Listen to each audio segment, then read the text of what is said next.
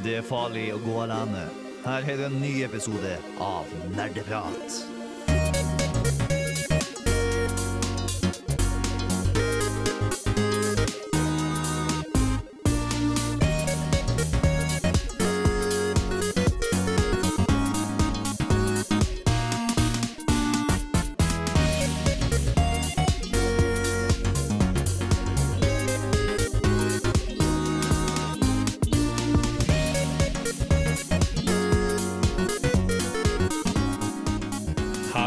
Hallo, hallo, alle nerder som lytter på Nerdeprat. Velkommen til nok en sending med Nerdeprat.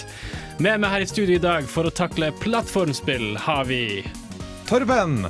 Tommy. som er litt syk. Litt syk. Og Anna. Hey, Nerdecrew er samla. Vi hadde ikke Anna her forrige uke, for hun var borte. Men velkommen, velkommen tilbake skal du være. Tusen Det, takk. det er godt å ha alle mine radiobarn her til stede. Det er viktig. Eh, I dag skal vi snakke om plattformspill. Det vil si Super Mario, Zelda eh, Nei, ikke egentlig Zelda. Nei. Nice. Noen av dem, så kan du Noen du kanskje Noen deler av dem, men ikke, ikke bra. Nei, ikke Nei, egentlig ikke. Eh, men andre ting. Eh, vi skal gå innom Great start! Eh, vi skal snakke litt om vanskelighetsgraden til plattformspill. Eh, ta opp litt 2D mot 3D. Snakke om litt sånn spillutviklertips når det kommer til plattformingsspill. Eh, gå inn på litt sånn hvorfor det er så viktig for indieutviklere å bruke plattformsjangeren, for det gjør de faktisk. Litt generelt om de, og vi skal snakke litt om speedrunning, som er veldig prevalent innenfor plattforming. Vi har spilt eh, litt av hvert siden sist, stemmer ikke det, folkens? Det stemmer. Som hey. vanlig. Ja. Eh, er det noen som har lyst til å dele noe skikkelig kult? Eh, Anna, du nevnte jo Hyperlight Drifter. Ja, for det er ikke noe nytt spill for meg. Jeg kommer liksom alltid tilbake til de spillene jeg elsker mest, og Hyperlight Drifter er definitivt et av de. Så jeg har bare satt meg ned når jeg har vært mye sliten i det siste, og satt meg ned foran eh, eh, TV-skjermen med PlayStation og bare drømte meg bort litt i den verden som er Hyperlight Drifter. For du, du fortalte meg at eh, Hyperlight Drifter det var noe som eh, kalles en opti... Uh, oh, um, For du ser det på en måte ovenfra, men sånn på skrå, litt som en sånn worldbuilding. Ja, eh, vi, vi diskuterte litt hva Isometrisk ulike Isometrisk perspektiv. Ja. Isometrisk, ja. ja, ja, ja. Oh, Torben to the rescue. Jeg, jeg vet ikke om det er en klar isometrisk uh, stil, for det, det er jo litt annerledes enn det igjen. Men det er liksom blanding av 2D og 3D. Mm. Men i hvert fall Hyperlight Drifter det er uh, et 2D eh, Diskuterbart, men 2D action-rollespill er det definert som. Mhm. Det ble beskrevet av hovedutvikleren eh, Alec Preston som en blanding av The Legend of Zelda, Link to the Past og Diablo. Mm. Eh, Jeg tror det er mye fordi at det er et utrolig vanskelig spill. Men det har også den der stemningen som du får av Zelda-spillene, og det er pixel-spill. da. Eh, og eh, faktisk så var en av feedbackene som han fikk, eh, eller utviklerne fikk etter at de ga det ut, var at det er faktisk litt for vanskelig dette her, kan dere tone det litt? Så en av patchene oppdaterte sånn at det ble litt grann enklere. Oi, faktisk. Ja, det, er ikke, det er ikke ofte man gjør det. Nei, men det er fordi Jeg tror det har mye å gjøre med at det er det der du må ha veldig raske reaksjoner til tider. Det kan være veldig krevende. Du får mange fiender på deg på en gang. Men det er også utrolig flotte omgivelser, og pikselkunsten er liksom noe av det vakreste jeg har sett i noe som helst spill. Så anbefales veldig. Utrolig kult. Mm. Uh, har noen andre her spilt Hyperlight Drifter? Uh, jeg har bare sett bilder uh, sjøl, dessverre. Nei. Jeg har faktisk ikke hørt om det før, så jeg var, litt sånn, jeg var veldig ny til det her. Nei, eh, Mm. jeg har veldig lyst til å lage en anmeldelse, så det kan du kanskje få i framtida. Oi, det var kult. Mm. Det høres utrolig spennende ut. Uh, jeg har spilt uh, litt uh, Bloodborne i det siste. Eh, litt eh, gammelt spill, eh, ikke nytt. Det er det til PlayStation 4? 3? Det var vel til tre opprinnelig, okay. uh, og så kom det også til PS4, hvis jeg ikke tar helt feil. For det er, i, det er på en måte i Dark Souls-serien, men det er på en måte ikke. Men det er samme utvikler, From Software. Ja, Det stemmer. Uh, Men det er visstnok ganske likt. Ja, det er ganske likt. Uh, like unforgiving skal du på en måte gå ut og Altså, jeg er jo ny på Dark Souls-serien generelt, så Bloodborne tenkte jeg det her går jo fint. Nei da, det gjør det ikke. Det, man, man dør ganske fort og ganske lett, har jeg funnet ut. Uh, så jeg har på en måte sett andre spille det og tenkt at uh, det ser jo ikke så vanskelig ut. Dodging litt hit og dit, altså det, det går fint, det skal jeg klare. Uh, men eh, selve det å bli vant til kontrollene, bare, var Ja. egentlig en utfordring. Fordi det, Man er kanskje vant fra andre spill at du kan avbryte ting du gjør. Og du, du er på en måte ikke så låst fast til det du gjør, mens her, når du har sagt at du skal eh, dodge til sida, så må du dodge til sida før du får gjort noe annet. Er det ikke sånn? Det er, oh, herregud, det er, pause er ikke noe som finnes i det spillet. Det, er- du må liksom løpe og finne et safe spot, og ellers så er du on your own. Nerdenytt.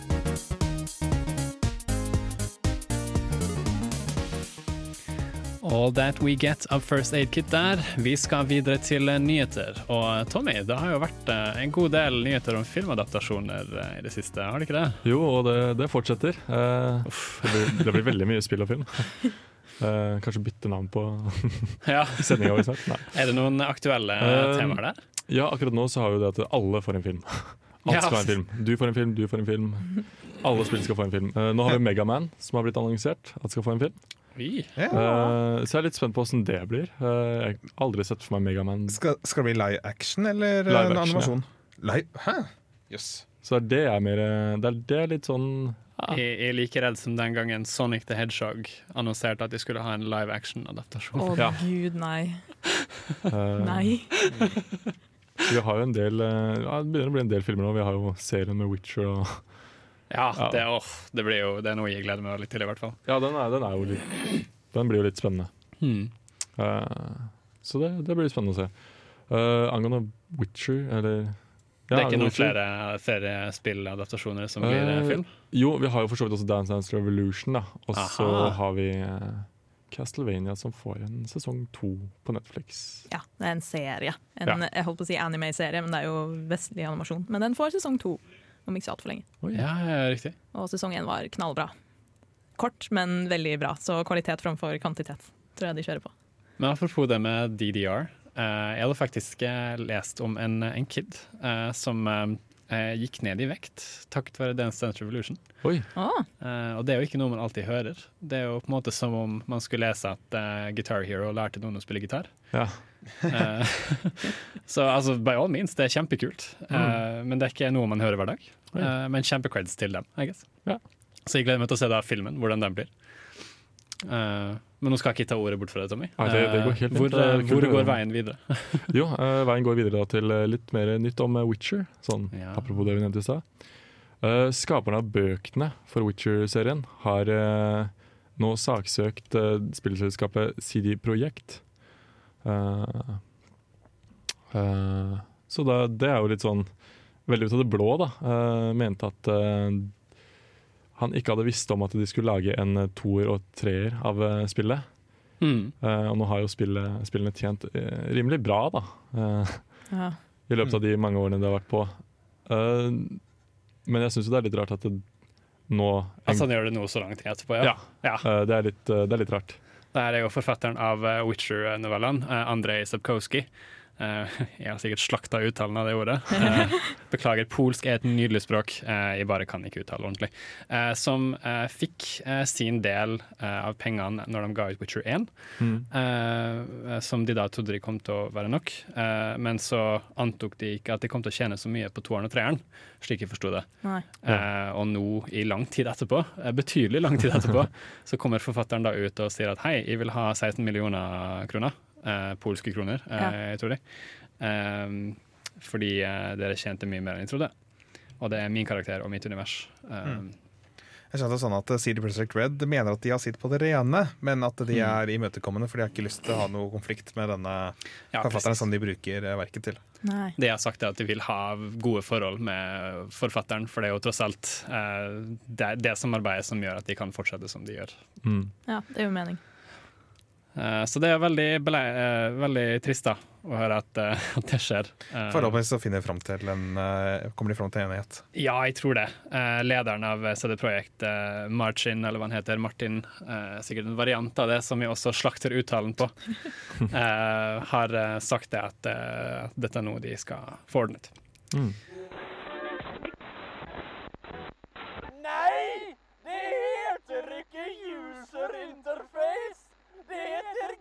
Grafisk brukergrensesnut? Uh, ja, vi går videre med nyheter her i Nerdeprat. Uh, og vi skal snakke om en litt uh, merkelig kreasjon som noen har laga i en pakke med halspastiller. Stemmer ikke det, heter vi? Eh, jo, eh, det er faktisk eh, Hva, noe av det sykeste jeg har hørt sånn, hva er det de har stund. gjort, egentlig? Eh, en eh, fyr med navn Shank, som han går under, eh, har faktisk klart å stappe en hel Wii-konsoll, eller blitt forminsket den, da, inn i en pastilleske. Altså, hvordan putter du hvordan får, Og den er 100% compatible, og den funker. Eh, funker med alt fra Wii-spill til uh, Ja, du kunne til og med spille fireplayer med um, Med Wii Sport, hvis du ville. Oi. Men Eh, hvordan kobler du til kontrollene? Eh, USB-inngang, så vidt jeg hadde skjønt. Ah. Eh, det var litt sånn Det, det hørtes uh, snodig ut. Den fungerte også tydeligvis til eh, Nintendo 64, uh, game, nei, GameCube. GameCube. Ja, riktig, riktig. Uh, Det blir veldig spennende å se levetiden eh, på den. da. ja, eh, den er visst allerede satt en levetid på den på ti minutter eller noe. Ja. Batterilevetid, riktignok. da. Hæ? Batterilevetid, ja. Ja, batterilevetid. Ja, ja. Eh, men levetiden generelt, ja. Det, jeg lurer på om den, jeg den kommer til butikken. Ja. Men han virka ikke så veldig fornøyd med den, da, fordi han sa jo at prosjektet når han skulle lage den, ble kalt 'Kill Me'. Og at den, han syns den er ganske elendig, for å kåte, tydeligvis. Så han, han fikk jo lagd den, men litt på sånn på trass, nesten, virker det som. At det var et prosjekt han måtte bruke så mye tid på at han bare Ja, Eller kanskje at han ble ikke så fornøyd med hvor bra den kjørte da han var ferdig med den. Han er sikkert stolt av 'hei, jeg fikk til dette', men det er grenser en- for hvor god den er når den er stappet inn i en pastilleske. Ja, og så er jo skjermen Eh. da betydelig liten. Ja, og så er det veldig lite luftehull der, så det blir veldig fort varmt da, eh, i den lille pastilleska. ja vi- Vi-maskinen gikk fort varmt, selv når den var i standby-modus. Den gjorde det? Ja, ja. For det er ikke noe jeg har kjennskap til. Det er ikke. Ja, Kanskje det var min, siden jeg hadde en tidligere tidlig utgave. Mm. Ja, riktig, riktig. Alltid problemer med de tidligere utgavene. Eh, eh, om vi kan kort nevne en kul liten notis her. Uh, for alle som har Windows 10, så kan dere nå eh, juble. Fordi den nye spillmodusen til Windows 10 eh, stanser endelig eh, oppdateringa som kommer mens du spiller. Oi, Og sier at hei, vi tenker å ta en oppdatering akkurat nå mens du er i the flow og er på en killstreak. Sorry, man. For det er jo alltid kjempegøy. det, det er jo veldig, det er veldig greit at de endelig har stoppet med det. Eh, Ja. ser for meg litt sånn, Ingen liker tvungne oppdateringer. nei. Eh, så det er veldig godt at de endrer det. Mm. Det er superkult. Eh, hadde du noe mer eh, på luret, Tommy? Uh, ja, vi har jo også en uh, litt av trist nyhet uh, nei. som farer. Uh, komponisten eh, til Commodore 64, Eller en av de komponistene, av mest kjente komponist- ja. komponistene. ja, de mest På kjente den kompon plattformen. komponister. Han uh, tapte nå denne uken her kvelden Nei, tapte kvelden. tapte kampen og, eh, mot kreft da, og Ja. lungekreft. Mm. uh, så det er veldig trist. Han er jo mest kjent for uh, spillene uh, Ninja Ben, uh, ben Deglish. Ja, Ben Mm. Er jo navnet på han. Um, Ja, han er kjent for uh, The Last Ninja, så vidt jeg ser på Wikipedia her. Ja, Mm. The Last Ninja. Trap og Deflektor. Mm. Eh, Cobra og Gauntlet er også Mm. to spill. For han, var, han har jo komponert for flere av de tidligere systemene, som f.eks. Amstrad og Amiga og ZX Spektrum. Mm. Men uh, det er mange som husker ham for hans eh, bidrag på Commodore 64. Ja. Eh, det er vel der han var mest kjent, som, de nevnte. ja, som vi nevnte. Uh, han ble jo da bare 52 år gammel da Mm. han oh, ja. gikk bort, eh, som er veldig trist. Eh, han har jo allerede hatt én kamp mot lungekreft før dette, så det Og den vant han jo. Men så han. runde to gikk dessverre ikke like bra. Nei. Eh, så vi ønsker Ben Deglish alt vel, i hvert fall. Eh, hvor enn han er nå. Ja, nei, eh, han har jo etterlatt seg sin kone og barn. Eh, mm. det, ja. For de som vokste opp på 80-tallet, i hvert fall, så har han lagt igjen sin legacy der. Ja. Eh, mye bra gammel musikk eh, som vi tenkte vi kunne dele litt med dere. Eh, han har laget eh, musikk, eh, som nevnt, til Last Ninja. Og vi tenkte vi skulle spille en remix av Lazy Gecko, som da gikk Som da var The Last Ninja. eh, 8-bit Kamikaze, heter den vel. Og den skal du få her på Nerdeprat. Ikke gå noe sted, for etter det her fortsetter vi inn i temadelen vår. Du lytter til Nerdeprat fra Radio Revolt. You're listening to Nerd Talk from Radio Revolt.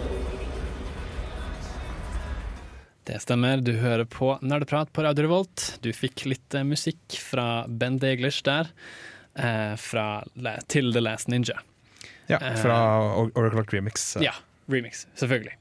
Eh, vi skal snakke litt om temadelen vår akkurat nå. Eh, vi går inn for å snakke om plattformspill i denne ukas sending av Nerdeprat. Eh, og i den anledning så tenkte vi å snakke litt generelt om plattformspill. Plattformspill er jo noe som folk har vært kjent med ganske lenge. Det har vært ganske notorisk siden de første arkadespillene. Det har liksom vært en greie hvor du hopper opp disse stigene, f.eks. i det første Det som blir anerkjent som det første plattformspillet, Space Panic, kom ut i eh, 1980. Eh, og var da et arkadespill hvor du er i veldig lik stil som det gamle Donkey Kong-spillet, hvor du skal på en måte hoppe opp eh, disse stigene og unngå disse tønnene som Donkey Kong kaster ned. Så skal du da klatre opp stiger og unngå monstre på vei opp. Ja. Liksom på samme måte. Eh, Ja, for uh, Donkey Kong, der spilte du ikke som Mario, men som Jumpman. ja. ja. Som, eh, fordi da brukte de den ekstra knappen du hadde på konsol, eller oppsettet på arkadene, var at du hadde ei styrespake, så du kunne styre i retning. Og så hadde du en knapp som du kunne trykke på. Mm. Og så der så satte Miyamoto knappen til å være hopp. Og det tror jeg var eh, ganske en av de første til å bruke knappen til å hoppe. da. Ja. ja, riktig. Så da kalte de Jumpman. Ja, jeg har nevnt tidligere at det var et av de første spillene jeg opplevde. Og det var jo, som dere har sagt, også det første, eller kanskje et av de første da, plattformspillene. Så det er jo en sjanger som går ganske langt tilbake. Det, det er ganske ikonisk, og den er jo mye annerledes i dag enn den var da. Fordi i de første spillene var det jo veldig lett gjenkjennelig. Det var at Du kan hoppe over ting, du kan dø hvis du ikke klarer å hoppe over ting, eller hvis du faller ned i hull. Mens i dag så kan man diskutere hva er plattformspill i dag. Det er litt sånn som RPG, at eh, elementer av det har sneget seg inn i omtrent alt som er av spill. Ja. Mm. Sånn at eh, selv eh, liksom et pus- puslespill kan ha plattformelementer. eh. Det er veldig spennende det du sier da, at det er elementer som på en måte sniker seg inn. Eh, fordi i gamle Super Mario, og i hvert fall i gamle eh, Donkey Kong, som var på Nintendo, som kom ut ett år etter Space Panic, eh, så det, det var noe eh, til felles der, eh, er, er jo at eh, når du ble truffet av noe, så døde du. Så du hadde på en måte ikke noe liv. Det var liksom én sjanse, og så måtte du starte på nytt. Du hadde jo ekstra liv da, i den formen, men hvis du på en måte tok skade, så måtte du begynne på nytt. Mens i de nyere spillene i dag, så har du jo på en måte Hvis du tar skade, så blir du kanskje mindre, som du ser i Super Mario World og sånn, Ja. og de spillene der. Eh, og du kan da finne en sopp for å bli større igjen, uten at du må begynne på nytt igjen.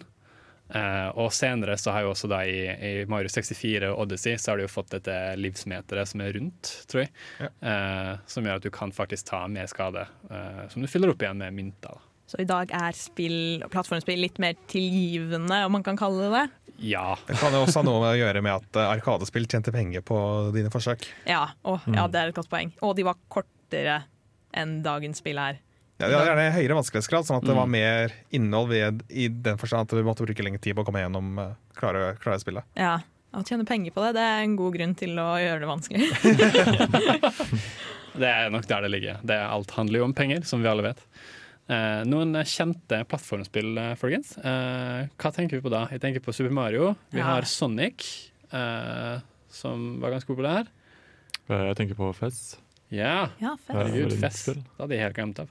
Det er også eh, Er det i 3D? Det er to, to og en halv D. To og en halv D. Eh, Jeg tuller ikke når jeg sier det. Jeg tror det var, jeg tror det, var det som var to og en halv D-spill. Oi, har ikke hørt om det før. Er det spillet hvor du roterer uh, Ja. verdenen?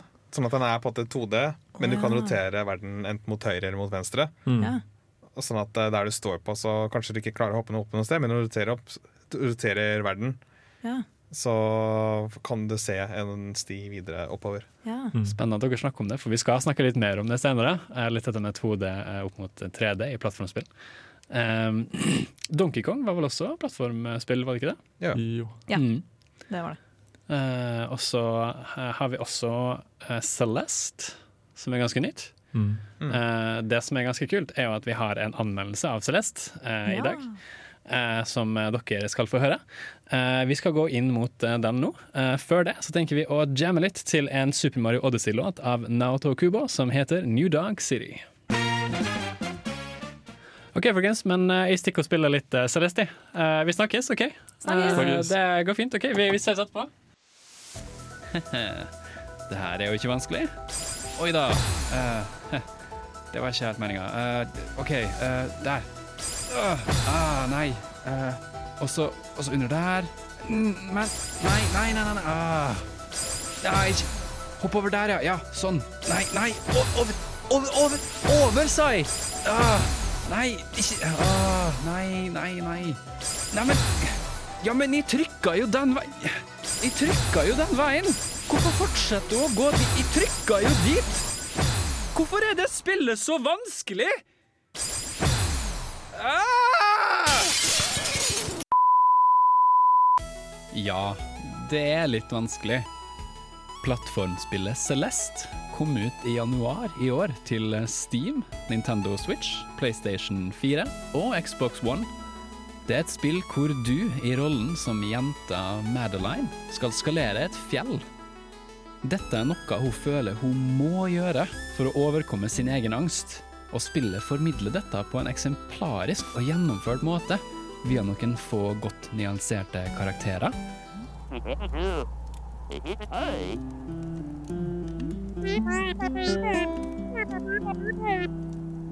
Den nydelige musikken komponert av Lina Rain.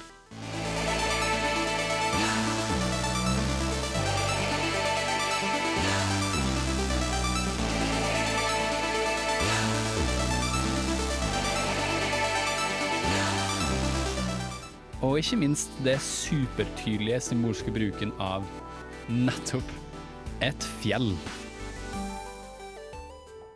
Jeg trodde ikke at jeg kom til å like Celeste da jeg kjøpte det til PS4. Hensikten min var å prøve noe nytt. Jeg hadde hørt mye bra om spillet, så jeg tenkte hvorfor ikke?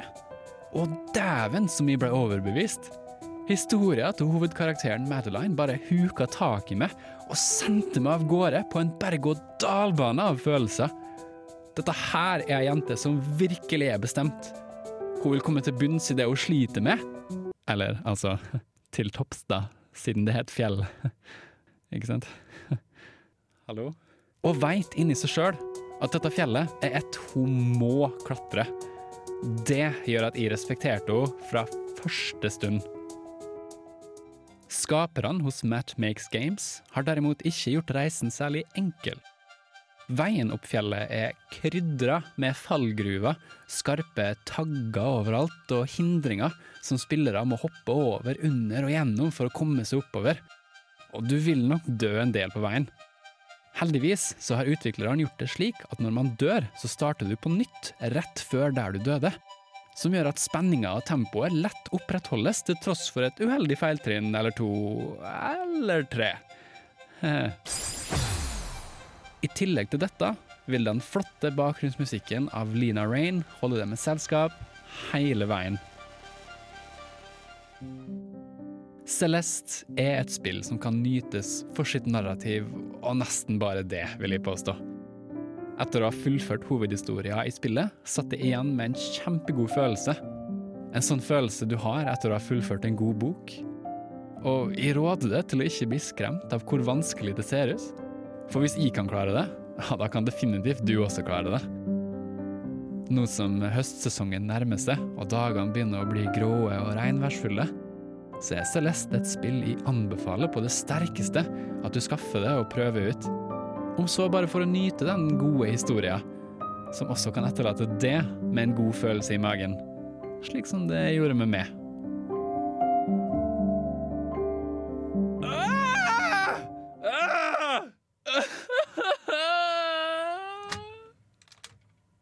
TM, går det bra? Nei! OK, ha det.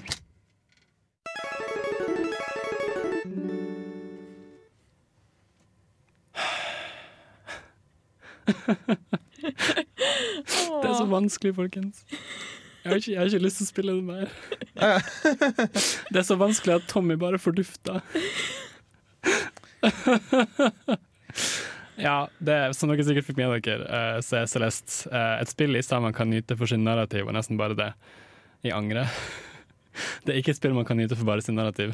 OK. uh, det, det, man kan nyte det, det er en søt historie, uh, men, uh, men de banene Å, herregud. Det er ikke casual Men, men det har en casual mode, har det ikke? Eller at du kan aktivere litt sånn at du kan få litt hjelp på veien? Eh, ikke som jeg husker. Det er i så fall en setting jeg ikke fikk med meg. Mm. bare fortrengte. Men, eh, ja, eh, Tommy fant ut at det var klokere å ta senga for å Ja. bli kvitt uh, sykdommen. Ja. han, eh, han var litt, litt forkjøla, stakkar, eh, så vi ga han lov til å dra. Eh, så vi ønsker deg alt vel, Tommy, hvis du hører på oss etterpå. Så, så bare vit at, at you are with us in spirit. Amen. Uh, amen. Uh, så Ja, vanskelighetsgrad. vanskelighetsgrad i spill. Uh, jeg, jeg følte jeg klarte å poengtere litt uh, vanskelighetsgraden i Celeste. Ja. Eh, nå er jo det her på en måte den vanligste vanskelighetsgraden, for du har på en måte eh, tre nivåer. Ikke helt som normal, hard mode og easy mode, men du har på en måte hovedhistorien, som da er på en måte easy mode, I guess. eh, og så har du noe som heter B-side og C-side. Ah. Eh, B-sider og C-sider, da. Uh, hvor etter du har klart å finne et, en liten sånn kassettape i en bane som da er bortgjemt, så får du tilgang til den banens B-side. Og de er mer utfordrende. De er mer utfordrende, eh, og tilsvarende når du har på en måte klart alle banene sine B-sider, og jeg tror du må også få tak i eh, flere hemmelige ting, eh, så får du tilgang til C-sidene, og det som er litt kult er at måten du eh, kommer til C-siden er at du velger den første banen hvor hun starter, og så istedenfor å gå fremover, så snur du og går baklengs ut av banen fra fjellet. Oi! Og da, liksom, tada, har du tilgang til C-sidene, Som at du liksom bare moonwalker til den Ja. vanskeligste delen av hele spillet. på en måte. Uh, men uh, vanskelighetsgrad er jo noe som ikke bare kjennetegner Celeste. Nei. Eh, Nei. Det er jo ganske markant eh, i de fleste plattformspill. Ja. Eh, Ja, selv Super Mario. Mange vil si at Super Mario har ganske, er ganske lett. Men jeg tror noe av det som fenger folk med Super Mario, er at det har et slags varierende vanskelighetsgrad. Ikke i den forstand at du velger easy, normal, hard i det du starter spillet, men at du kan selv velge å ta på deg litt større utfordringer. ja. Gjennom det at eh, liksom bare det å klare nivåene, det er enkelt nok. Selv om det, noen spill velger å gjøre det ganske vanskelig etter hvert. Mhm. Men eh, det som blir utfordrende, er når du skal ha alle disse hemmelighetene som ligger rundt. Ja, ja, ja. Noen av spillene så er det I Super Mario World så er det sånn dragevinter. I New Ja. Super Mario Brothers så er det de store golden coins. ja. Og så i de nyere, eller noen av seriene så er det også hemmelige utganger ut av baner for å ta alternative ruter og sånt gjennom eh, kartet. ja. Så du kan liksom velge å bare fullføre banen, Ja. men da får du ikke tilgang til alle de hemmelige tingene. Nei. Uh, og jeg nevnte jo at jeg har spilt mye High Hyperlight Drifter i det siste, og selv om det ikke er en ren plattformer, så har du akkurat de elementene der. Da, at du spiller gjennom spillet, og så får du høre å ja, ok, det er alle disse collectibles eller disse gjenstandene du skal finne som er gjemt rundt om i verden, og da kan du spille dem igjen og igjen. Så da får du mye sånn, eh, hva heter det, gjenspillbarhet, Ja. Mhm. som gir deg enda mer nytelse av spillet. da. Ok, én gang, så kan du utfordre deg selv neste gang. Og spesielt innenfor indie så er inntrykket at det er veldig mange som eh, går for den eh, brutalt vanskelig spillsjangeren, på en måte. Du har jo sånn WWWWW, Ja, for er, eksempel. Som, eh, hvor folk spekulerer at navnet representerer alle piggene i spillet. Å gud. Uh, ja, det er det spillet hvor, tre- hvor manualen på 3DS-versjonen har en side om statistikk om alle piggene. Eh, Hvilke sider de vender og sånn. Oi, såpass. Men er det, hva er det du gjør i dette spillet? Du bare hopper over pigger? Eller? Eh, Det er eh, Det er litt inspirert av Commodore 64-grafikk og den type, men Ja. eh, det er eh, ganske enkelt. Du strander ut opp ut i verdensrommet i en ganske enkel eh, type verden. Men det er eh, Du kan ikke hoppe. Du kan bare snu om du på en måte har gravitasjon oppover eller nedover. Ja. Så da trykker du på A-knappen bare for å snu om du eh, går oppover eller nedover. OK. Ja. Så er det om å gjøre å holde seg på midten av skjermen og ikke komme bort til piggene som er rundt? Hvis jeg forstår det riktig? Eller er det Nei, bare... du utforsker verden. Det Ja. er ja. pigger, pigger noen steder sånt. Det er- det er så det, jeg bare så for meg at det var pigger overalt. Nei, noen, noen steder så føles det sånn. Okay. Det er bare at spillet er laga for å være brutalt. Ja. Men da Så- blir det jo ja. Det er, eh, men der også er det mye å samle, samle inn og sånn. Ja. Kanskje den største utfordringen i spillet heter Veni Vidi Visi. Ah. Den er, okay. Og der så kommer du ned et sted. Eller for å komme dit, det er en sånn hemmelighet du kan ta. Ja. En av disse trinkets som det heter, som du samler på. Så for å komme ned dit, så må du ta en liten omvei, så du tar og hopper ned fra en av banene. Og så går du passerer gjennom flere rom. For det er på et sånn rombasert eh, spill her. Sånn at det er, eh, Det er ikke sånn at du følger kameraet følger deg. Nei, Det er når du når sida, så går du, går du umiddelbart til det rommet som er på den sida. sånn som de gamle Zelda-spillene, eksempel. Ja. Ja. Eller Megaman, hvis man har spilt det på ikke, Kanskje ikke helt Megaman, men ja. Ja. Eh, Så du blaffer, flere rom blaffer forbi, forbi. Du kommer på enden, du, når en plattform. Ja. Og det eneste som separerer deg og en eh, av disse samlingsstandene, er en bitte liten blokk. Så du kan bare løfte beinet og gått forbi for å komme over den blokken. Men du kan ikke hoppe, du kan bare snu gravitasjonen. Og hvis du snur gravitasjonen, så må du gjennom et eh, helvete av pigger og sånn skikkelig stor, eh, god trial. Bare for å komme på slutten av eh, hele denne korridoren. Hvor du når en plattform som eh, forsvinner umiddelbart, som du hopper. Og så gjennom hele den på ny for å lande forhåpentligvis på den andre siden av blokken eh, for å samle din samlingsstand. Ah, ok, jeg skjønner. Du hører på Radio Revolt, studentradioen i Trondheim. De fleste plattformspill har jo vært i 2D. Eh, men vi har jo mange plattformspill i dag som er i 3D. Ja. Uh, altså Super Mario 64 uh, på den tid eh, var jo eh, en av de første plattformspillene i 3D, var det ikke det? Jo, eller det første som fikk det veldig rett, da. på, som, eh, og som har tålt tidens stand. For det er mange plattformspill hvor du sleit litt med hvordan eh, du skal gjøre kamera, og hvordan spillerne skulle styre med sånt. Det er mange spill som fortsatt sliter med kamera. Ja. Just saying. For det er eh, en eh, Super 64 var jo på at måte folks my first uh, 3D platformer-type. Ja. For der har du jo denne skyen som illustreres som kamera, som, eh, som uh, Lucky 2.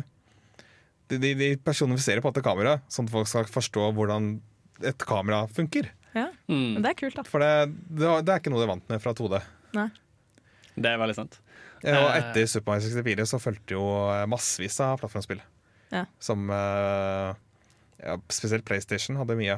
Spyro og uh, Jack and Daxter. Ja, Jack and Daxter. Jeg skulle til å nevne det som eksempel. Fordi det var jo også den første spillserien jeg kom meg inn i, da, som jeg elsker Mm. selv i dag.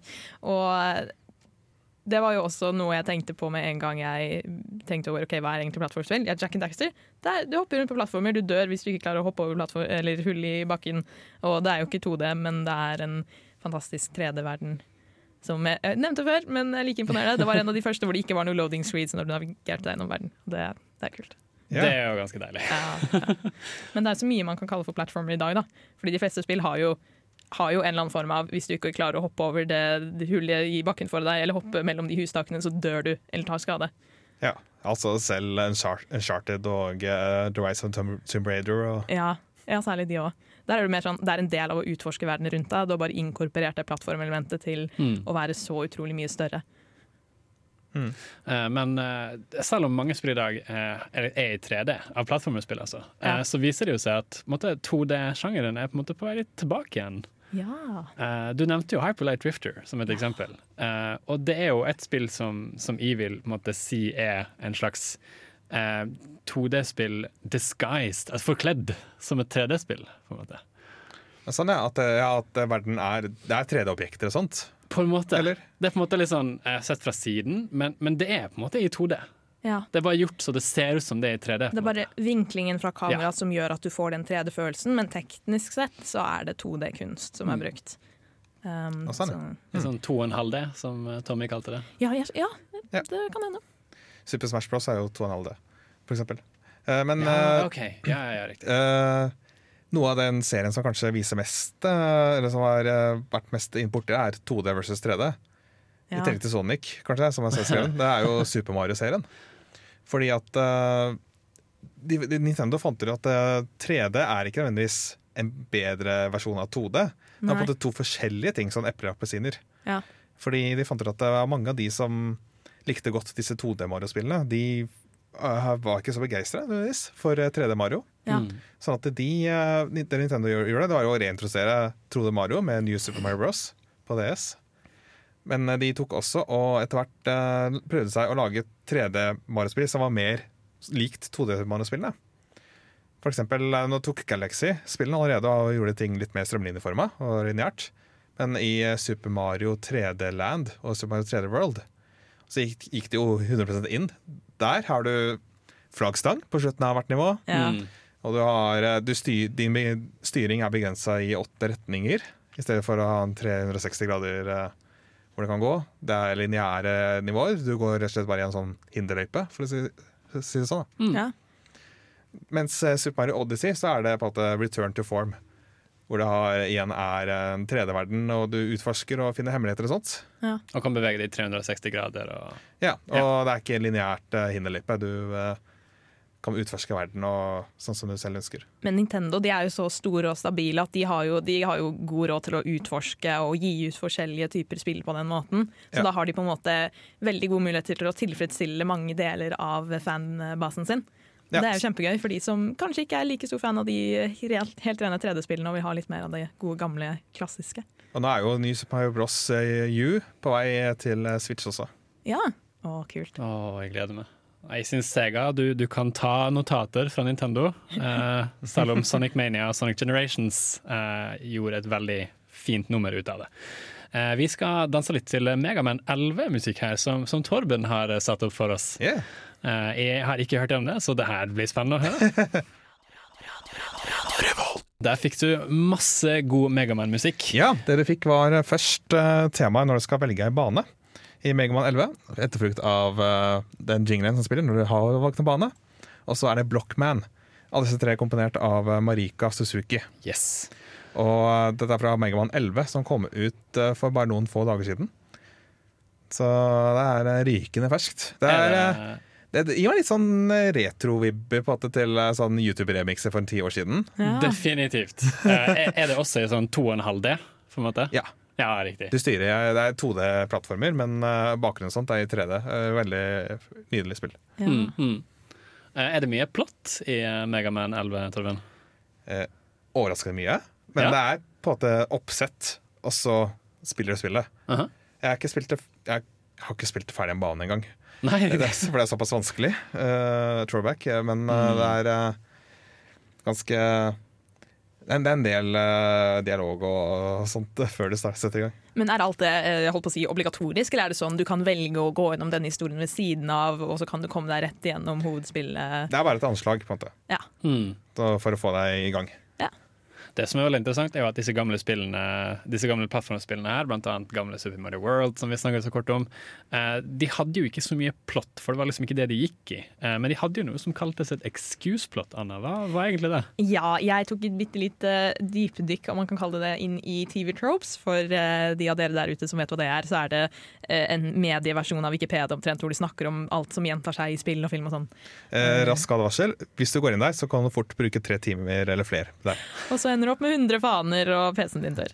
Uh, nei, men uh, excuse-platt, det er det med at uh, tilbake på det glade 80-tallet med spill, så var det ikke så mye fokus på handlingen eller karakterene. Det var bare brukt som en unnskyldning, derav excuse-platt, for å få deg til å spille spillet. Som for eksempel 'Prinsessen har blitt kidnappet, du må redde henne', og det er det. Og så skal du spille. Og eh, mye av greia der var at OK, det du får ut av spillet er ikke de største handlingene eller de fantastiske karakterene. Det er 'jeg klarte å runde dette spillet', ofte forbundet med 'det er dritvanskelig'. Nintendo Hard. Nintendo Hard var Ja. også en annen trope på TV Tropes. For det var en vanskelighetsgrad, på en måte, var det ikke det? Ja, det er det med at uh, kanskje ikke hele spillet er vanskelig, men du har det ene levelet. Det ene levelet som du ender opp med å sitte med i kanskje en time i strekk mens blodtrykket stiger og du begynner å hate deg selv. Litt som deg under anmeldelsen der. Det, Det, var noen Nintendo Hard-baner i Celeste, eh, spesielt mot slutten, hvor det er liksom eh, pigger Altså, der var det pigger overalt. og, Så på slutten så var det pigger overalt, og det, åh, det var, La oss ikke snakke mer om det. ja, for noen ganger har du den gradvise økningen hvor du føler at ok, det, det, er, det er rettferdig fordi du har hele tiden bygget deg opp mot dette aller vanskeligste toppen, men noen spill er det jo bare plutselig har du den levelet som bare kommer rett i fleisen på deg og slår deg ut av stolen omtrent. Og så går det litt ned igjen og bare Men hva søren var det? Hva, hva skjedde nå? Ja, Ok, greit, nå moving on. Ja, når vanskelighetsgraden ikke er helt uh, Kurven på en måte ikke er helt uh, der. Ja, Ja, det er ikke alltid utviklerne Når utviklerne selv tester, så er det jo, vet jo de nøyaktig hva de skal gjøre. hvordan det funker og sånt. ja. Så de er på en måte ikke så gode testkaniner på sitt eget spill. Nei, det kan jo være det med at det er meningen at du skal bli litt fortumla av det, og så er du litt mer på vakt etterpå. Jeg vet ikke, kan hende. Ja, det er, jeg har spilt noen spill, kanskje ikke nødvendigvis plattformere, hvor eh, det er ikke så mye uh, excuse-plot, for å si det sånn. da Hvor du bare går rett inn i spillet og ikke helt vet hva du skal gjøre. Ja. Jeg føler at jeg, treng, jeg trenger ikke så særlig mye, jeg trenger kanskje bare én setning. Men jeg trenger en eller annen unnskyldning som jeg for å motivere meg til å spille dette spillet. Ja, det må være en grunn. En dypere mening. Jeg spilte Resemblance uh, nå nylig. Uh, ikke helt ferdig, for det fant jeg ut at jeg or orker ikke helt. Men uh, det er flott plattformspill uh, pluss puzzle og og sånt. Mm. Men der er det et anslag hvor jeg ikke helt fikk med meg hva som skjedde, og hvor det er Eller alle disse lilla figurene blir plutselig grønne og eh, frøs, fryst. Ja. Okay. Men det var ikke noen lilla figurer jeg hadde blitt interessert til på forhånd. Så det var litt vanskelig for meg å ha medfølelse for disse abstrakte lilla figurene. Ja. For du måtte bare drepe dem for å komme deg videre, eller hva var greia? Nei, at uh, de uh, er, er på en måte fryst, da, så måtte jeg prøve å hoppe over dem. eh. oh, ja, sånn, ja. Så, Mm. ja, OK. Huh. Semblance, var det. Eh, så det, men det ga meg liksom ikke så mye grunn til å spille igjennom, følte jeg. Nei. Jeg heter eh, ja, Hva står det her, da? Eh, bare Bare Egil står det her. Eh, du hører på Radio Revolt. Vi skal snakke litt om indie-popularitet. Fordi det som er interessant, er jo at plattformspill har jo vært brukt veldig mye av indie-utviklere. Ja. Vi har jo hatt spill som Fez, vi har hatt norske spill som Owlboy og Teslagrad, og flere som vi ikke kommer på, eh, som da har bestemt seg for å på en måte bruke eh, plattformspill. Nesten sånn litt sånn eh, unanimously. Nå, nå kan jeg ikke norsk terminologi her, men, men det virker liksom som om eh, når indie-spillene begynte å komme, at det var liksom plattformspill de gikk i. Ja. Eh, det er jo litt interessant. Eh, vet dere hvorfor? Kan ha noe å gjøre med at det er mye lettere å designe, for eksempel. Fordi du, særlig hvis det er eh, 2D-plattformer hvor du bare går i én retning, så trenger du ikke å tenke på OK, eh, hvor langstrakt Eller ok, hvor langstrakt verden være er jo et av hodeelementene, men eh, det blir mye lettere å ha oversikt over hvor spilleren kan bevege seg. Mm. Så du får mye bedre kontroll. Og fordi ved å ikke gjøre det så komplisert, så så er det kanskje mye lettere å bli dratt inn i et spill uten at du har all den bakomliggende dype historien, da. Som ofte AAA Games eh, har.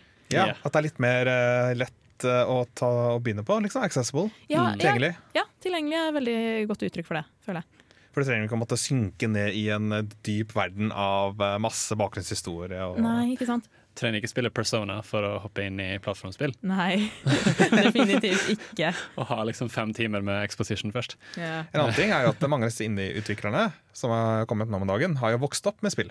Mm. Så de har vokst opp med Super Mario Brothers og, eh, alle, og, og Sonic og mange andre eh, plattformspill. Ja. Så det er nostalgisk for de, på en måte. Det kan ha Mm. veldig mye å si hvis du vil tjene penger på et spill, spille på nostalgi. For det er jo fortsatt en stor del av spillbasen i dag som har vokst opp med de spillene du snakket om. Ja, For det har jo også Det er mange som spiller eksplisitt på nostalgi. Ja, Sånn og har eh, liksom litt pikslete grafikk og sånn. ja. Mm. Blant Ja, at de eh, faktisk går tilbake og har den pikslete grafikken, er også noe interessant. Shovel Knight er jo kanskje det mest eh, kjente eksempelet. Å ja. Jeg har ikke spilt det selv, men uh, roomien min Du må spille eh, det. spil- Ja, ja, jeg, jeg vet Musikken det! er så bra! Jeg skal! Jeg skal. Men uh, ja, det er på lista mi over spill jeg vil spille. Har du spilt Shovel Knight ennå? La meg få noen dager, OK? Nei, men det er, det er gøy. Uh, også fordi at uh, mange vil si at de f- f- fikk til nostalgien eh, på rett måte. Mm. Det var ikke sånn at det, nostalgien var på et skalkeskjul, og så var det liksom dårlig spill eh, under. Det var, det var et knallgodt spill som var på en måte gjort bedre med nostalgi. Kan, kan man si at plattformspill er knytta til egentlig det mest nostalgiske innen hele spillverden generelt? Ja Nest, Jeg vil nesten si det. Ja, jeg har egentlig ikke sett så mye som nostalgisk eh, annet enn 2D-plattformere. Undertale er jo på en måte nostalgisk bakover mot uh, Earthbound. Ja, Den typen eh, RPG hvor du i første person. og, og musikken òg. Ja, musikk generelt i spill, ja. 8-bit slash 16-bit-aktig eh, musikk. Mm. Men så, når jeg tenker på, på en måte, folk som kanskje ikke har så mye kjennskap til spill Hvis du spør dem hva spillet er for noe, Ja. så vil til og med de vite hvem Mario er. sant? Vil Ja. de tenke. Ludo? Nei! Donkey Kong og Og så er det jo også viktig å nevne uh, Grease her, eller Gris, eh, Gris, som vi anmeldte i Dusken uh, her forleden. Eh, noe som vi så frem til, eh, eller ser frem til, eh, så er fortid. Ja. Eh, ser frem til i desember, eh, som vi tror kunne bli det neste Journey. Ja. Eh, ja, fordi Journey i seg selv, for de som har spilt det, det er jo ikke Det er lineært, men det er en åpen tredjepersonsverden. Mm. Mens uh, Griss er håndtegna 2D-versjon av eh, Journey, på en måte. mm. Uh, ut fra det vi har sett. Og det lover veldig godt. Det ser veldig vakkert ut og sjarmerende og uh, litt den plattformeropplevelsen. da. Og elementene var liksom veldig like også. At du, du kan ikke ta skade. Og altså, I Journey så ser det ut som du kan ta skade. Ja, men du dør ikke Eh, av men det. du dør aldri. Eneste er at skjerfet ditt tror jeg, eh, blir kortere hvis du Ja. støter på en av disse slangene. Ja. Og det er skumle. Ja, de er, Ja, eh, de er skumle. De kommer bare sånn rett på, og du forventer ikke. Men ja, Gris, jeg gleder meg utrolig til det spillet. Det Det er det jo. Eh, det, men det ser veldig vakkert ut. veldig vakkert. Det, det var liksom eh, åh, Hva jeg skulle si? Eh, det er liksom eh, Håp! Stemningsfullt. Eh, men vi ser i hvert fall veldig frem til det og tror det kan bli dritkult. Du hører fortsatt på Nerdprat, Det beste spillmagasinet på Radio Revolt, eller det eneste. Og derfor det beste. Badumt. Speedrunning er noe som er ganske eh, ofte Jesus, min terminologi i dag. Det skjer mye speedrunning i plattformspill eh, generelt. Ja. Eh, de er, eh, det er en sjanger jeg, forstår på en måte hvorfor det er mye speedrunning i. Eh, det er jo ganske lett å speedrunne plattformspill. Eh, vil ikke dere si det? altså lett å begynne. Så vi snakket jo om Ja, at de var accessible. Ja. Eh, lett å begynne på, skulle jeg kanskje sagt. da. Ja, fordi, fordi de er jo ikke enkle, Mm. på noen måte. En ting er at eh, mange av dem er kortere. Eh, s- hvis du for skal begynne å speedrunne Final Fantasy 7 eller noe sånt, da. hvor du må prøve å gå fort gjennom menyer og sånne taktikker. Der, der må du fort tenke mer langsiktig og sånt. Mens uh, det er på en måte mer jordnært eh, Jeg vet ikke helt. Det er mer direkte når du er spiller uh, plattformspill. Og også som du nevner, litt mer kortere. Eh, Jeg kan jo igjen dra frem eh, Celeste her. Ja. Jeg har fulgt med på en speedrunner som jeg vet også du kjenner til, Torben. Ja. En som kaller seg TGH eh, på YouTube, eh, altså TGH. Eh, og han speedrunner da eh, Celeste i en kategori som da kalles any percent, som vil si at du skal klare spillet så fort som mulig på hvilken som helst måte. Ja. Eh, og det klarer han på ca. litt under en halvtime, tror jeg. I den kategorien, i hvert fall. Eh, og har nå verdensrekorden. Eh, og skal også eh, opptre på speedrunning-arrangement senere. Men benytter han seg da av glitcher? Han har benyttet seg av noen, det gjør han. Ja. for det er jo ganske viktig i speedrunning at det, er jo flere kategorier her. Du har kategorier som heter glitchless, som betyr at du ikke har lov til å bruke noen glitcher. Ja. Eh, som utgjør en stor forskjell når folk skal prøve å speedrunne spill som Super Mario 64 og Zelda Ocarina of Time. Mm. Eh, Vi hadde jo for øvrig ei sending om eh, speedrunning for litt over et år siden, tror jeg. mm, Hvor vi gikk litt mer inn på disse kategoriene og sånt. mm. ja. Så da kan man høre på den hvis man er interessert i å lære mer. Ja. Men ja, vi har uh, Ocarina of Time Det er mange spill som eh, Ja, eh, fordi jeg griper hver sjanse jeg kan til å snakke om Hyperlight Drifter. Og det er en, kanal på, eh, på YouTube som heter Games Done Quick, som eh, Ja. kjører streaminger med speedrunning av spill. Eh, og så har de um, Hva heter det når du samler inn penger for et godt formål? De har sånn charity-opplegg. Veldedighetsopplegg. Mm. Hvor de som streamer på, kan donere mens de kjører disse spillene. Og de kjører jo Hyperlight Drifter, da. Og der benytter de seg definitivt av glitcher. Ellers hadde det tatt noen timer. Men dette runder de da på ja, tre kvarter ish, 40 minutter. Oi. En halvtime. Uh, det er imponerende. Og det er jo for en god sak òg, så Jeg tror kanskje det er mest, uh, eller for min del, det plattformspillet som har blitt speedrunna i hjel aller mest. Det er kanskje Super Mario 64. ja, ja. Der har du en glitch som du kan gjøre f.eks. i Slottet. Hvor hvis du uh, tar langhopp, altså når du, når du løper med Mario, og så croucher, og så hopper, ja. Men så styrer du bakover, sånn at han hopper, og så istedenfor å gå framover, så hopper han litt bakover. Så er det mange nok ganger, så kan du bygge opp såpass mye fart at eh, Mario kan gå gjennom vegger. Han bare bryter plutselig lydbarrieren og bare Oh, yeah. gjennom. Tingen er at eh, Koden i Super Mario 64 sjekker ikke om man har passert en vegg. Den koden eh, kjører visse visst antall ganger i sekundet, kanskje 60 ganger. eller noe sånt. Ja. Kanskje ikke så ofte på 1964. Men den uh, kjører uh, og sjekker er det, er, Kommer Mario til å være inne inn, touche en vegg nå. Da må vi putte han utafor veggen. Ja. Men når Mario går så fort at han på én kjøring av koden er han på den ene siden av veggen, og neste kjøring av koden så er han på den andre siden av veggen.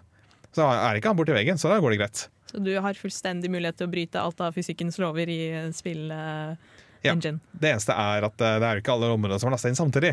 Så du er derfor nødt til å ta noen omveier og eksempel komme deg inn til Bowser og slå han Ja. flere ganger.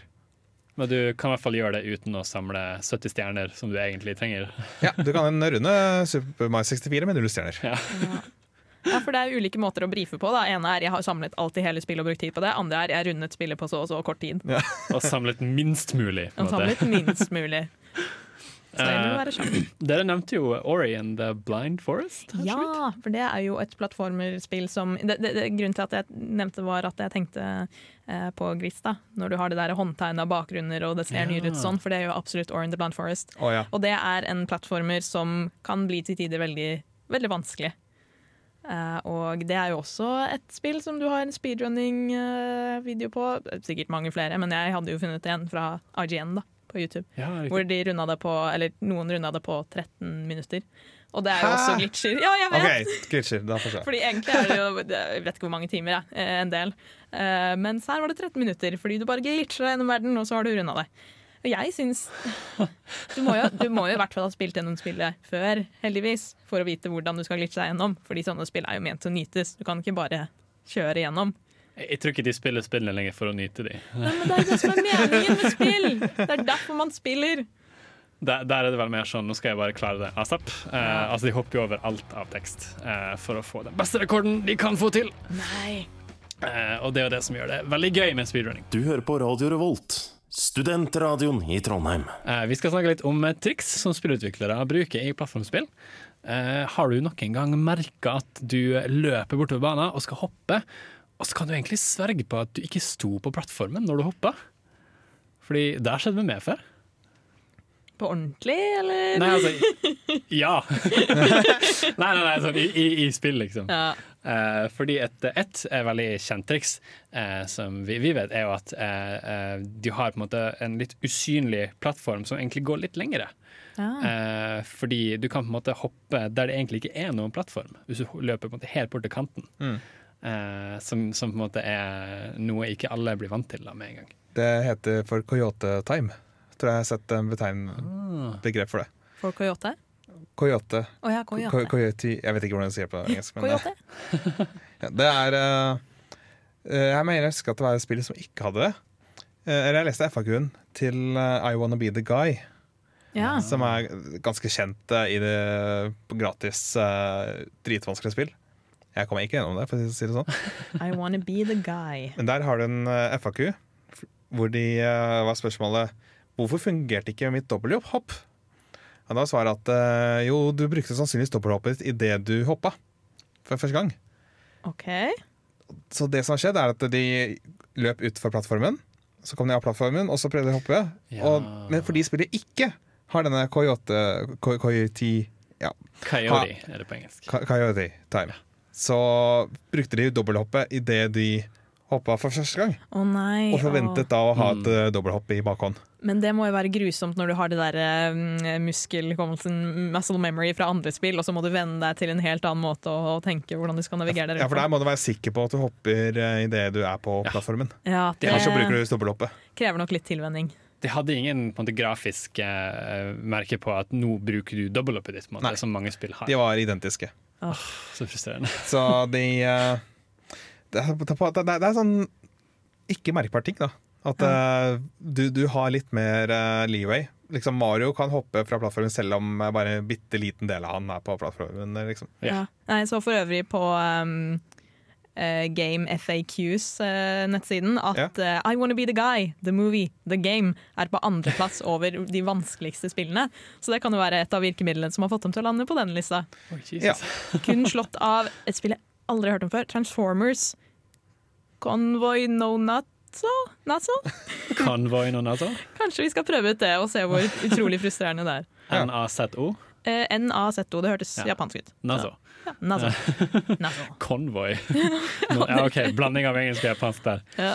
Eh, andre virkemidler som de bruker, som vi i hvert fall kjenner til sjøl, er jo eh, at hitboxen, som er på en måte der den rammen eh, du blir truffet i, eh, ikke overensstemmer helt med hvordan karakteren din ser ut. Ja. At eh, du kanskje har eh, For eksempel i Celeste, så har du Madeline, som hun heter. Eh, Hvor håret hennes og halvparten av hodet hennes kan på en måte stå inni en, eh, en tagg i taket. Uten at det egentlig skjer noe. Fordi selve hitboxen hennes er mindre. Og egentlig mer sånn sentrert eh, i på en måte brystet og ned med bena hennes. Ja. Eh, som ser litt rart ut.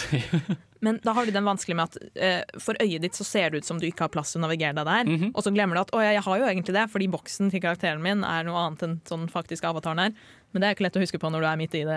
Men det er også greit, da, for at uh, det er litt dumt hvis du dør fordi håret ditt var borti en pigg. Ja, Det er ikke så realistisk. Og det er mange tilfeller hvor hitboxen er mye større enn forventa. Ja. Ikke i Celeste, men i dårlig designspill, holdt på å si. Hvor, uh, hvor, hvorfor kom jeg meg ikke gjennom der? Eller hvorfor ble jeg Den traff meg ikke. Den snidda kanskje en firkant, men, eller snidda nesten, men uh. Så det, så det er tips til spillutviklere der ute. La boksen være litt mindre enn karakteren, ikke større. Og det, altså, vi, det er kanskje lett å si tro at det, utviklerne på at det gjør spillet dummere, eller, sånt, eller at de jukser, men uh, sannheten er at uh, det har med vår psykologi på en måte. Mm. At eh, hvis du ikke gjør det, så er det rart. Og for eksempel, da, hvis du har terningkast i spillet, Ja. uh, at det er enten en coin eller noe sånt.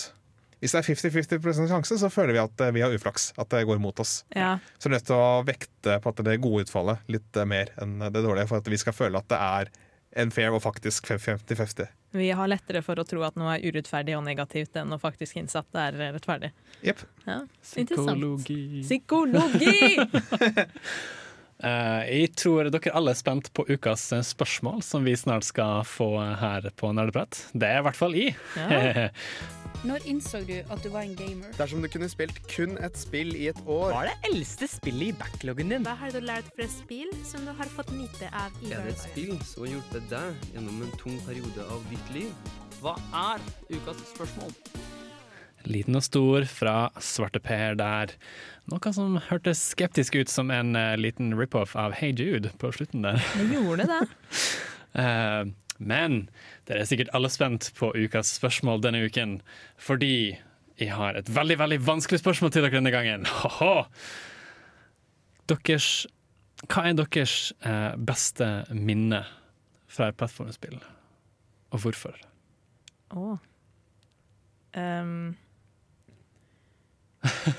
Det er alltid litt sånn eh, rart å stille disse spørsmålene på luften, fordi eh, nå må de stå her og tenke. Eh, og det gjør som oftest ikke veldig bra radio. nei, Eh, nei eh, eh, um, Men så kommer jo Ida og bare stiller de nå, eh, som den personen er. Men Torben, du er klar? Jeg tror jeg har lyst til å plukke fram et av eh, Er det et uttrykk? Trekke fram et av mine favorittspill, Ja. som er Yoshi's Island. Mm. Jeg hadde vokste aldri opp med Super Nintendo, så jeg spilte gjenutgivelsen til Game Boy Advance. Og eh, det spillet bare overrasket eh, meg ganske positivt. For det er et spill jeg fikk ganske tidlig, egentlig, i min oppvekst. Men eh, jeg, jeg var liksom ikke så veldig interessert eller into Spillet fanga meg ikke helt. Mm. For jeg syntes det var vanskelig. Men etter mange år så prøvde jeg igjen, da. På jeg husker ikke om det var Nintendo DS, kanskje. Ja. Og da ble jeg bare så positivt overraska over alle de kreative tingene som det spillet gjorde. At det liksom, Å, nå kjemper jeg mot en boss på månen, liksom. Super Mario Galaxy Fimber eh, og, eller du er i en hule, eller du er, rir på toppen av uh, fugler, eller du plutselig så har Yoshi på seg ski, og så kjører slalåm ned. ja. Det var så mange forskjellige kule nye ideer, og ikke minst dritkul musikk av Kochi Kondo, Ja. Mario-komponisten. Så, og jeg har minner av å sitte i bilen og spille uh, Super Mario uh, Hva blir det? Super Mario World 2, Yoshi's Island. Ja, riktig. Ja. Hva med du, Anne? Um, altså, jeg føler det står mellom spill jeg har snakket om før, men eh, Jack and Daxter. Game of Thrones er ikke Nei, unnskyld. God of War! God of War! God of War! Game of Thrones er ikke et plattformspill. Okay. God of War skulle jeg til å si her. Det Er ikke en plattform. Men er det egentlig det? Er det egentlig det? Beklager, jeg avbrøt deg veldig der. Fortsett, Anna. Ok, greit. Fordi i God of War så må du hoppe ah, ok. Uh, uh, Jack and Daxter det var jo den første spillserien jeg spilte gjennom sånn ordentlig. Og eh, jeg bare har veldig gode minner fra eh, å kunne utforske det åpne landskapet det her. Særlig eh, i toeren så er du egentlig inne i en by, men så har du noe område utafor. Eh, fordi det er complicated, complicated timeline og sånt, men du kommer deg til et område utafor som ligner på et område som var i det første spillet. Og da kom du dit og bare What, er det samme verden? Og så bare gå rundt der og utforske. Og det hadde veldig ikke kanskje den beste spillmusikken, men veldig sånn stemningsfull eh, bakgrunnsmusikk og noen puslespill, og du måtte slåss mot noen ting, og det brukte veldig mye tid i den delen av verden, da. Så eh, det er nostalgisk for meg å tenke på. Husker du sikkert hvor gammel du var når du spilte det? Eh, tol- ja, godt spørsmål. Tolv, eller noe sånt, kanskje? Ja, starten av tenårene. Eh, jeg husker det i hele tatt ikke. Jeg begynner å bli så gammel. Vi jammer i hvert fall videre her på Nerdeprat. Eh, eller skal jeg stille meg sjøl som samme spørsmål, kanskje? Ja, Hva er ditt beste spillminne fra plattformspill, eh, TM? Å, gud. Eh, det er veldig vanskelig å si, men eh, jeg vil si Super Mario World. Oh. Eh, det fikk jeg til jul uh, når jeg gikk i første klasse. Å gud, det er lenge siden. På Super Nintendo, da? Ja, på den der eh, SNES-en, ja. Eh, fikk det til jul, Uh, spilte gjennom det, det var herlig. Uh, fikk det samtidig med Donkey Kong Country 2 eller 3. Oh, dæven. Hvor du spiller sammen med Du spiller på en måte den store baby-Donkey Kongen med hun rosakledde, blondhåra Dixie? Dixie, ja. Riktig. Så du var ikke den originale, originale Donkey Kong, da. Det var litt bummer. Men det var vanskelig. Jeg kommer liksom aldri gjennom det spillet. Super Mario World derimot kommer jeg med gjennom. Så det var litt mer tilgivende. Ja, stemmer. Er det noe du ville gått tilbake og prøve å runde nå?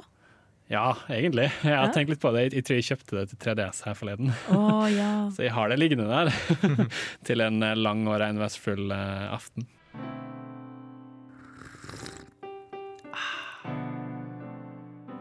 Ukas spillsmak.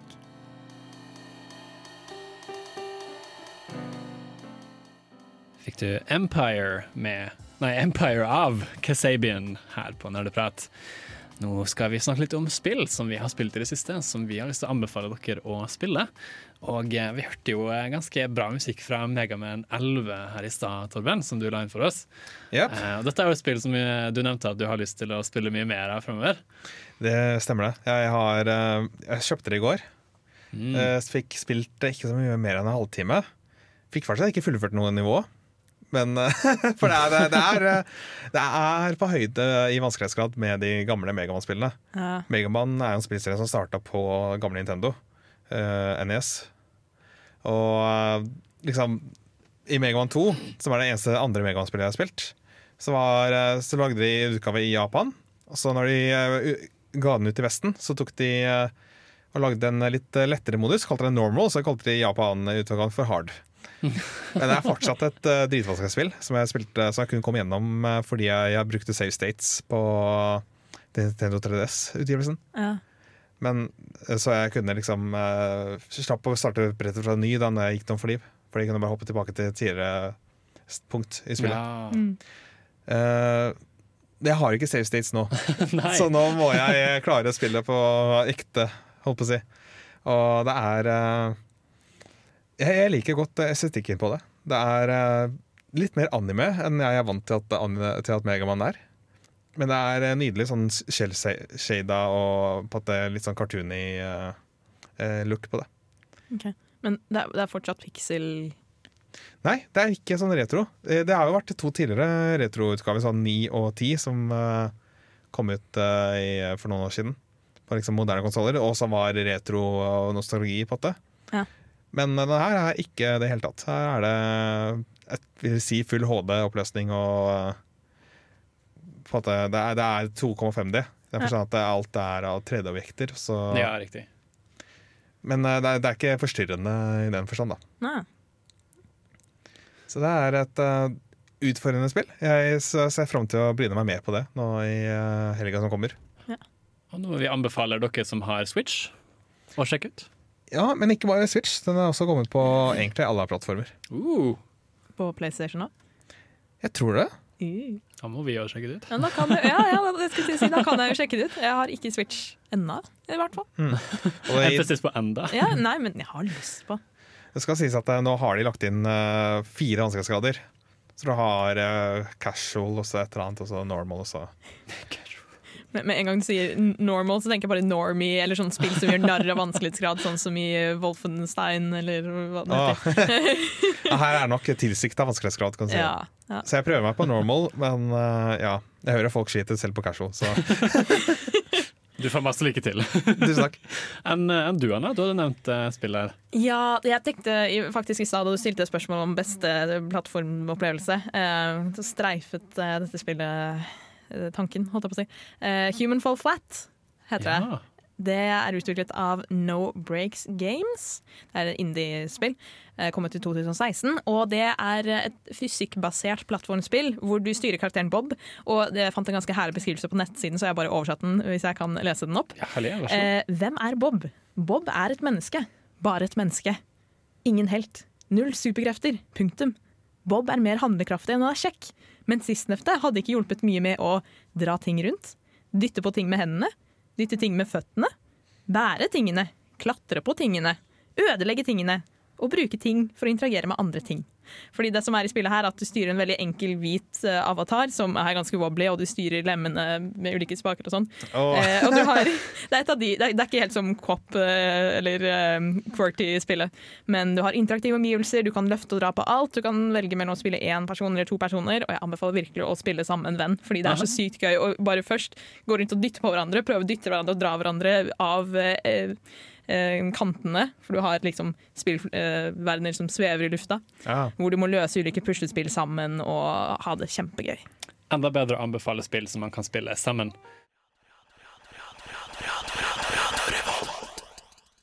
Det har vært en veldig hyggelig sending om plattformspill. eh, Og før vi på en måte drar, så tenker vi å opplyse dere litt om eh, spennende ting som kanskje skjer, som er aktuelle for oss eh, nerder. da.